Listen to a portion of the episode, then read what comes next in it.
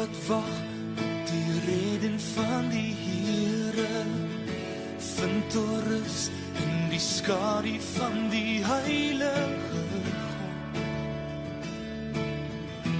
Die almagtige ek sal sê die Here is my vesting Die Here sal sy aangesig oor julle laat skyn en julle genadig wees. Die Here sal sy aangesig oor julle verhef en vir julle vrede gee. Amen. Ons bly. Okay. Die uh, tema vir vanoggend is God of self. Wie aanbid ek? God of self? Ons lees in Sagaria uh, 4 of uh, Sagaria 7 vers 4 tot 6. Daarom het die woord van die Here van die van die leerskare tot my gekom en gesê: Spreek tot die hele volk van die land tot aan die priesters dit: As julle nou 70 jaar lank in die wildernis in die 5de is hy af hier so. Kan jy my nou hoor? Kan ek daar los vir nou? Okay, sal weer begin. Ehm um, Sagaria 7 vers uh, eh, 4 tot 6. Daarom het die woord van die Here van die leerskare tot my gekom en gesê: Spreek tot die hele volk uh van die land tot die priesters en tot die priesters dit: As julle nou 70 jaar lank in die 5de en die 7de maand gevas het en getreur het, het julle toe werklik ter wille van my gevas? En as julle geëet en julle gedrink, is dit dan nie julle wat eet en julle wat drink nie. Ons 'n bietjie konteks gee vir die vers. Die volk is in ballingskap net voor hierdie gewees. En deur die ballingskap het die Here um weer hulle priesters opgerig, weer die tempel opgerig met Nehemia en Esdra. Um moes hierdie goeders weer gebeur sodat hulle weer kon aanbid vir die Here. En hulle kom uit ballingskap uit en skielik het hulle hierdie ander feeste. Hierdie nuwe feeste en nuwe gebruike wat God nooit beveel het nie. So God vra hierso vir hulle, doen julle hierdie goedes regtig aan my of doen julle dit vir julleself? Is julle besig om my te aanbid of om julleself te aanbid? God het hierdie aanklag teen die mense ehm um, dat hy vra wie hulle aanbid en hoekom hulle nie meer aanbid soos wat hulle voorheen het nie. Jesus het aan die kruis die mensdom forceer om op 'n ander manier te kyk na hoe ons optree teenoor wat God sê en beveel het. Ek wil vanoggend kyk na drie verskillende vrae. Een, moet die volk steeds opgetree het soos wat hulle het voor die ballingskap? Met ander woorde, het die wet en die feesdae enigsins verander tydens die ballingskap? 2. Wat is Jesus se rol en hoe of wat is Jesus se rol in hoe ons verhouding met Vader en die wet verander het? En 2. Hoe affekteer dit my daaglikse verhouding en aanbidding voor God? Nou as ons kyk na vraag 1, moet die volk steeds optree soos voorheen? Om te verstaan hoe die volk se verhouding met Vader verander het, moet ons 'n bietjie kyk na die ballingskap en wat die doel was van die ballingskap en wat gelei het tot tot hoe hoekom hulle in die ballingskap in moes gaan. As 'n bietjie kyk na die geskiedenis van die volk. God het 'n verbond met Abraham gesluit. Hy wou 'n volk maak met hierdie man, met sy familie. Die familie groei toe, daar kom toe 'n vreeslike Um, drought. Wat's drought in Afrikaans? Droogte tyd. Hongersnood in die land. En hulle moet toe Egipte toe gaan. In Egipte word hulle toe deel van die Egiptiese samelewing. Hulle word toe later slawe, hulle word onderdruk deur daai daai nasie en God moet toe weer 'n verlosser stuur. Hy wys hierso presies dieselfde soos wat hy later doen Daar's 'n 400 jaar stilte waar God nie profete stuur nie, nie met die mense praat nie en dit gaan net slegter met hulle totdat hy 'n verlosser moet stuur. God gebruik daai presies dieselfde um simboliek later na Maleagi wanneer ons weer 'n periode van stilte, weer geen profete of enigiemand wat met die mense praat nie en dan kom Jesus, weer hierdie verlosser wat opstaan. En God gebruik gebruik hierdie beeldspraak um deur die hele Bybel wat so interessant is. Nou om die mense te bevry uit Egipte uit, stuur God 10 plaae. Nou die 10 plaae was met die spesifieke doel om 10 verskillende gode wat in Egipte aanbid is te te breek. Om hierdie gode aan te spreek sodat die Egiptenare en sodat die Israeliete kan weet, maar God is die ware God. Hy is in beheer en hy het krag oor al hierdie verskillende gode. God lei die mense uit Egipte uit na die 10 plaae. Hy lei hulle in die woestyn in waar hy daagliks vir hulle sorg. Hy gee vir hulle kos, hy gee vir hulle water, hy gee vir hulle skaduwee en hitte. Hy gee op 'n wonderlike manier gee hy vir hulle al hierdie goeders om nog meer aan hulle te bewys wie hy is. Hy sê dit selfs in Eksodus 20 uh, vers 1 tot 3 en 6. Ek is julle God wat julle bevry het in die land van slawerny. Ek wil julle God wees. Julle is my nasie. Hy wil hierdie verhouding met die mense hê. Hy wil nie hierdie diktatorskap hê, um, waar daar net hierdie wette is en reëls is. Hy wil 'n verhouding met hulle hê. Hy wil 'n verhouding bou met hierdie mense. Maar selfs um, sien hulle al hierdie wonderwerke van God. Selfs al sien hulle alles wat hy doen, hunker hulle nog steeds terug na Egipte toe. Hulle dink nog steeds dit het beter gegaan in Egipte. So God gee vir hulle 'n opsie. Hy sê vir hulle, hoorie so, okay, ek ek wil julle God wees. Maar julle soek reëls. So ek sê vir julle reëls gee. Dis okay. En hy gee vir hulle die 10 reëls. En terwyl hy besig is om die 10 reëls te gee, breek hulle alreeds die eerste een. Hulle mindset het nog glad nie verander uit Egipte uit nie. Hulle is nog steeds vasgevang in daai slawerny van Egipte. So hulle dink God moet ook hierdie slawedrywer wees. Nou hulle soos, okay, gee vir ons hierdie hierdie reëls. Ons gaan dit die hele tyd breek. En hulle doen dit konstant. Nou in die woestyn as ons kyk wat wat in die woestyn gebeur het tot by die actual ballingskap. Dis baie lank geskiedenis. Maar om dit op te som, die volk het God. Hulle wil God nie hê nie, so God moet hulle 'n les leer. Hulle sê dit nie uitdruklik nie, maar die hele tyd mors hulle met ander gode. Het hulle gebruike van ander godsdienste.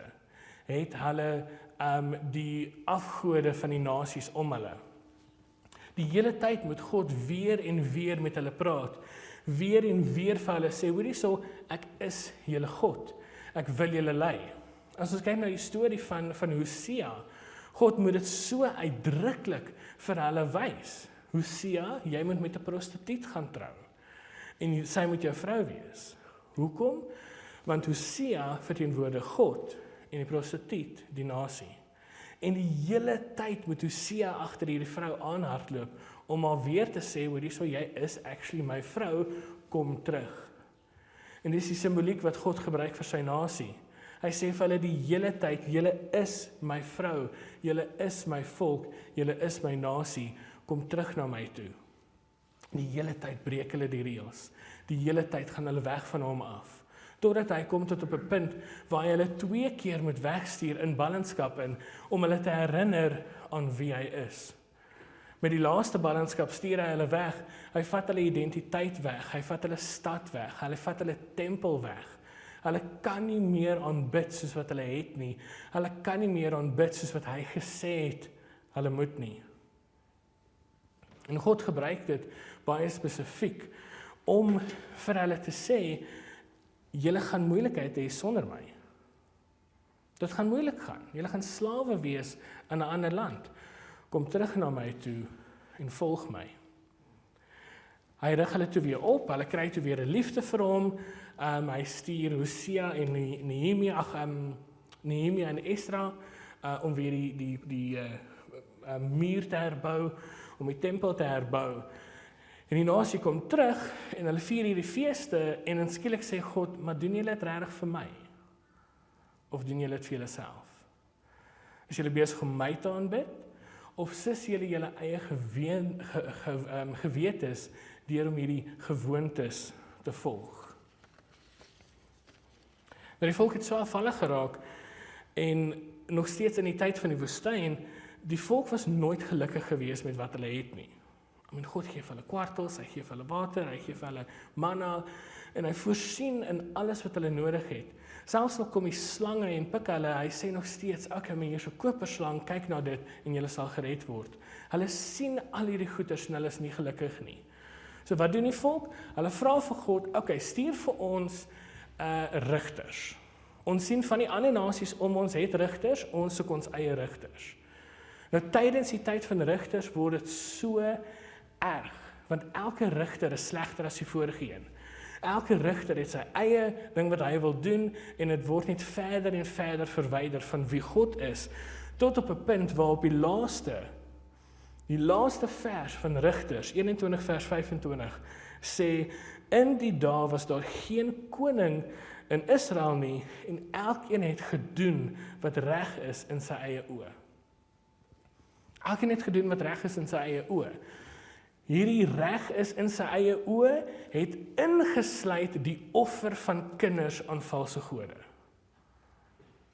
So ver het dit wegbeweeg van wie God is. So God sê vir hulle, "Oké, okay, wel, rigters het nie gewerk nie." Die mense sê, "Oké, okay, so ons soek dan konings. Konings gaan werk." God stuur vir hulle Saul. Baie korrup. Stuur vir hulle Dawid. Great man, great ehm um, generaal vir die army slegste pa in die geskiedenis van die wêreld. As jy wil kyk na slegte paas, kyk na Dawid. Sy kinders verkrag mekaar, ehm um, hulle het 'n oorlog teen hulle eie pa, hulle wil hele tyd die koninkryk ehm um, by hom steel. Hy moet weghardloop van sy vyande. As jy Psalms lees, kan jy sien wat met Dawid gebeur het. Hy's op die high van yes, ek so lief vir God en dis so fantasties. En die volgende Psalm is hy asseblief moet my nie doodmaak nie. Hy's die hele tyd op en af want hy het geen standvastigheid in sy lewe nie. En sy seun wat volg Salomo trou met 1000 verskillende vrouens. 400 vrouens en 600 byvrouens en hy bring al hulle gode in die koninkryk in al hulle afgoderry bring hy in die tempel in en in die in die koninkryk in. Soveel sodat sy seun Rehoboam so um, teenstandig raak teen sy pa dat die hele nasie in twee skeur, die suidelike deel en die noordelike deel. Israel, die noordelike deel word heeltemal um geskatter in die wêreld in. Ons weet nie waar hulle is nie en die suidelike koninkryk Judea word die Jode. So God se fokus verander na Judea toe sodat hy met hulle kan begin werk. Deur al hierdie is daar profete wat rondhardloop, daar's priesters wat die tempel probeer hou net sodat die mense kan besef wie God is en wat hy doen. So uit hierdie slegte rigters, daar's hierdie slegte konings ehm um, wat soveel afgoderry en, en slegheid in die volk inbring. En hy het hierdie priesters en profete wat smeek en soebat asseblief kom terug tot die waarheid. Dit gebeur toe sodat die priesters self korrup raak. As ons nou kom by die storie van Jesus en wat hy gedoen het, hy het hierdie korrupte kerkleiers aangevat. Hy het hulle aangevat om vir hulle te sê hulle is slange. Hulle is witgepleisterde grafte. Op 'n stadium sê hy hele pa die duiwel sê hy vir die priesters. Die hoogsgeleerdes. Hoekom? Want die priesters op daai stadium was net so sleg soos die priesters in Martin Luther se dag. Hoekom moet die moes die reformatie gebeur het? Want die priesters in die Katolieke Kerk het die woord van God so verdraai om die mense uit te byt. Wat het die priesters gedoen in Jesus se tyd? Presies dieselfde al hierdie reëls, al hierdie afgoderry, al hierdie goeders wat jy moet bydoen en saam doen wat God nooit vir hulle gesê het nie. Hulle het die woord van God en die wette van God so verdraai dat jy met enigiets kon wegkom. Jy mag nie um enige werk doen op die Sabbatdag nie. So jy mag nie jou eie stoel uittrek nie, want as jy jou stoel uittrek, dan die die gleufies wat die stoel in die stof los is ploeg. So jy werk. So jy mag nie jou eie stoel uittrek nie. Jy moet 'n goyim, 'n ongelowige kry om jou stoel uit te trek. En selfs dit is teen die reëls want God het gesê vir die vreemdelinge tussen jou geld die reëls ook. Die slawe onder julle geld die reëls ook. So jy kan nie jou ongelowige slaaf gebruik om jou goeders te doen nie. Maar hulle het dit so verdraai dat hulle kon. Nog 'n voorbeeld van hierdie verdraaiing wat vir my so interessant is, is ehm um, uh, die Torah sê dat jy mag net op die Sabbatdag mag jy 'n Sabbatsreis doen. 'n Sabbatsreis is van jou voordeur tot voor die tabernakel of tot voor die tempel. So maak saak waar jy bly nie, dis dis so ver. Nou hulle toe later gesê, "Oké, okay, kom ons sê dis 'n kilometer, jy mag nie meer as 'n kilometer loop nie." So wat doen jy? Jou huis is mos waar jou goeder is. So jy loop met 'n sak van jou ehm um, goeder in jou huis en jy loop 'n kilometer en jy sit 'n vurk neer. Dis my nuwe huis. En ek loop 'n kilometer en ek sit 'n lepel neer. Dis my nuwe huis. En ek loop 'n kilometer So verdraai hulle die woord van God om die nasie in soveel skuld te los. Ek mag niks doen nie, ek mag niks sê nie, maar want daar's hierdie wrede God wat net oorheersend is en my wil verdoem vir enigiets wat ek doen. Hy wil net kom om om hierdie reëls te stig. En Jesus kom en hy sê soos wag 'n bietjie. Dis nooit wat God gesê het nie. Dis nooit deel van sy plan gewees nie. God het gesê ek is jou God. Ek wil jou lei, ek wil hierdie pa wees vir jou. Ek gee vir jou die reëls om jou te beskerm, nie om jou seer te maak nie. Hy gee vir ons al hierdie reëls, hierdie goeie goeders wat met ons kan gebeur en Jesus moet weer die volk roep tot bekering. Die Joodse volk wat die die Torah ken, wat die wat die wat die Pentateeg ken, Hulle ken die woord van God, hulle weet wat dit sê en Jesus roep hulle tot bekering. Hoekom? Want hulle is so weg van die oorspronklike plan van God. So weg van sy so ver weg van sy waarheid. Jesus bring al daai afgoderry tot lig. Jesus roep die mense tot bekering om hulle geloof in hulle eie ek te los. Die geloof in die eie ek, ek kan die reëls volg, ek kan sorg daarvoor, ek kan myself red deur my deur my wette te volg. Jesus gee dan 'n voorbeeld uh, in Lukas 18 van hierdie spesifieke denkwyse van hierdie selfafgodsdiens. Hy sê in Lukas 18 uh, vers 10 tot 14: Twee manne het na die tempel opgegaan om te bid. Die een 'n Fariseer en die ander een 'n tollenaar. En die Fariseer gaan staan en by homself en hy bid: O God, ek dank U dat ek nie soos die ander mense is nie. Rowers, onregverdiges, egbreekers of ook soos hierdie tollenaar nie. Ek vas 2 keer in 'n week en ek gee tiendes van alles wat ek uh, verkry. Die tollenaar het ver weg gestaan. Op sy bors geslaan Hy wou nie eens opkyk nie. En hy sê: "O God, wees my sondaar genadig." Ek sê vir julle hierdie laaste een het regver het geregverdig na sy huis gegaan eerder as die eerste een. Want elkeen wat hom verhoog, sal verneder word. En hy en en hy wat hom verneder, sal verhoog word. God wil daai intieme verhouding met ons hê waar ons besef ons kan onsself nie red nie. Waar ons besef dit gaan nie oor my nie, dit gaan nie oor my krag of my eerbied nie, dit gaan nie oor my worship nie, dit gaan nie oor wat ek doen vir hom nie, maar dit gaan oor hom. Oor wat hy gedoen het. Oor sy genade en sy liefde vir ons. Aanbid ons self of aanbid ons God?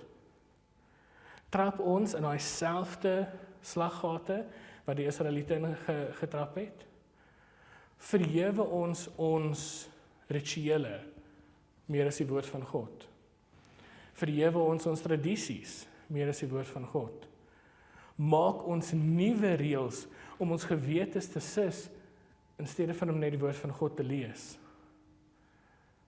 Daar's soveel wat gesê kan word oor moderne aanbidding en 'n moderne kerke. Maar ek sal dit vir julle los om te kyk. Is moderne kerke besig met selfaanbidding? Is ons besig om God te aanbid?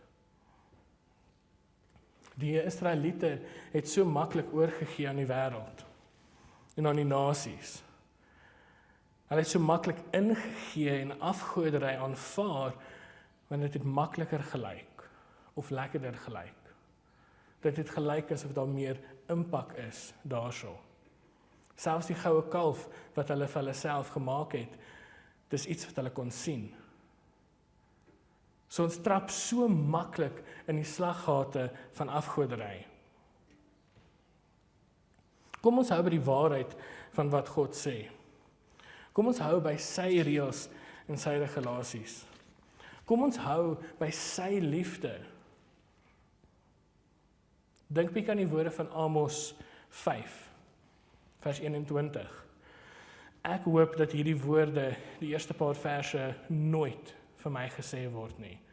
Maar God het dit vir sy nasie gesê. Ek haat ek versmaat julle feeste. En ek het geen welgevalle aan julle fees feestydde nie. Want al bring julle vir my brandoffers saam met julle spysoffers, ek het daar geen welbehae in nie. En die dankoffer uh van julle vetgemaakte kalwers ehm um, sien ek nie met welgevalle aan nie. Verwyder van my die geraas van julle liedere en die en na die geluid van julle harpe wil ek nie luister nie. God was baie direk met sy mense gewees, baie direk met die volk gewees. Hy het soveel keer vir hulle gesê en moes soveel keer vir hulle sê wie hy is, want hulle raak soveel keer afvallig. Ons kyk gou na die storie van Kain en Abel. Hoekom was Kain se offer nie aanvaar nie? Hoekom was Abel se aanvaar? Albei het hulle eerste vrugte gebring. Albei het gebring um van die offers wat wat wettelik was. So Kain bring 'n graanoffer. Die eerste van die van die oes, hy bring dit voor die Here en hy plaas dit daar so. Hy brand die offer, maar God aanvaar dit nie. Hier kom Kain met 'n skapie en dit word aanvaar. Maar die waarheid is God kyk na die hart, nie na die offer nie. God kyk na die hart, nie na die aanbidding nie. Die hart van Kain was verhewe. Hy het die offer gebring uit sy eie aanbidding vir homself. Kyk die wonderlike offer wat ek gebring het. Ek is so goed, ek's so goeie boer. Ek het al hierdie vrugte eh, en en graan om vir die Here te gee. Ek sal vir hom wys hoeveel ek vir hom lief is. Kom Kain. Vader, ek het nie veel nie. Ek ek het net hierdie skapie, maar ek bring dit vir U. Kain word aanvaar. Uh, Abel word aanvaar en Kain nie. Wanneer ons onsself begin aanbid, tree God terug. Wanneer ons self begin verhewe bo God, tree God terug. Die Here soek ware aanbidders van sy volk. Hy kyk na die besnydenis van die hart, nie na die vorm van hoe jy dit doen nie. In hierdie week kan ons 'n tyd vat om te kyk na alles wat ons doen na ons gewoontes, na ons tradisies. Doen ons hierdie goeders tot eer van God of doen ons dit omdat dit is hoe ons se ding doen? Of doen ons goeders omdat dit onsself ons eie begeertes is? Mense wat elke dag die Bybel lees en nog steeds sleg voel aan die einde van die week want ek het nie genoeg nie het elke oggend Bybel gelees. Hoekom voel jy sleg? Want ek het nie genoeg nie. Wie aanbid jy? Aanbid jy jouself of aanbid jy God? Want God sê kyk na jou hart. Hy weet wie jy is. Hy weet wat jou begeerte is. Mense wat wat die wat die feeste nog steeds vier en so behou daarbey en as jy nie die feeste presies volg tot op die letter nie. God kyk na die hart van 'n saak. As ons kyk na iets soos die Paasfees, so wonderlike voorbeeld, so wonderlike ritueel. Maar wat is die hart daarvan? Gaan dit om alles presies te doen soos wat wat die woord sê, die presies die regte goeders te eet op die regte tye en op die regte manier? Nee. Dit gaan oor die hart van God. Ek het julle verlos uit die land van Egipte. Ek uit die land van slawerny het ek julle vrygemaak. Kyk daarna want ek gaan dit weer doen in 'n paar jaar. Dis hoekom die die Paasfees daar is. Nie om die rituele te volg nie, maar om te kyk wat God gedoen het. Hy het ons gered uit slawerny en nou plaas ons onsself weer in slawerny om hom te aanbid op sekere maniere en sekere metodes. Jesus wil ons kom bevry daarvan. Ons bestudeer sy woord, ons weet wie hy is. Ons besef die vrede en die vryheid van oorgee aan Christus. Daar is vrede en ons vryheid in oorgee om sy woord te lees, om hom te eer en om te besef wat hy vir ons gedoen het. Dit gaan nie oor ons nie. Die hele Bybel gaan nie oor ons nie. Dit gaan oor hom en sy bevel. Is ons besig om God te aanbid vir ons of vir hom? Is ons besig met selfaanbidding of God aanbidding? Voordat ek bid wil ek die, die woorde van Psalm uh, 119 ook by julle los. Vers 9 tot 16. Waarmee sal die jongling sy pad suiwer hou? Deur dit te hou na u woord. Ek soek u met my hele hart.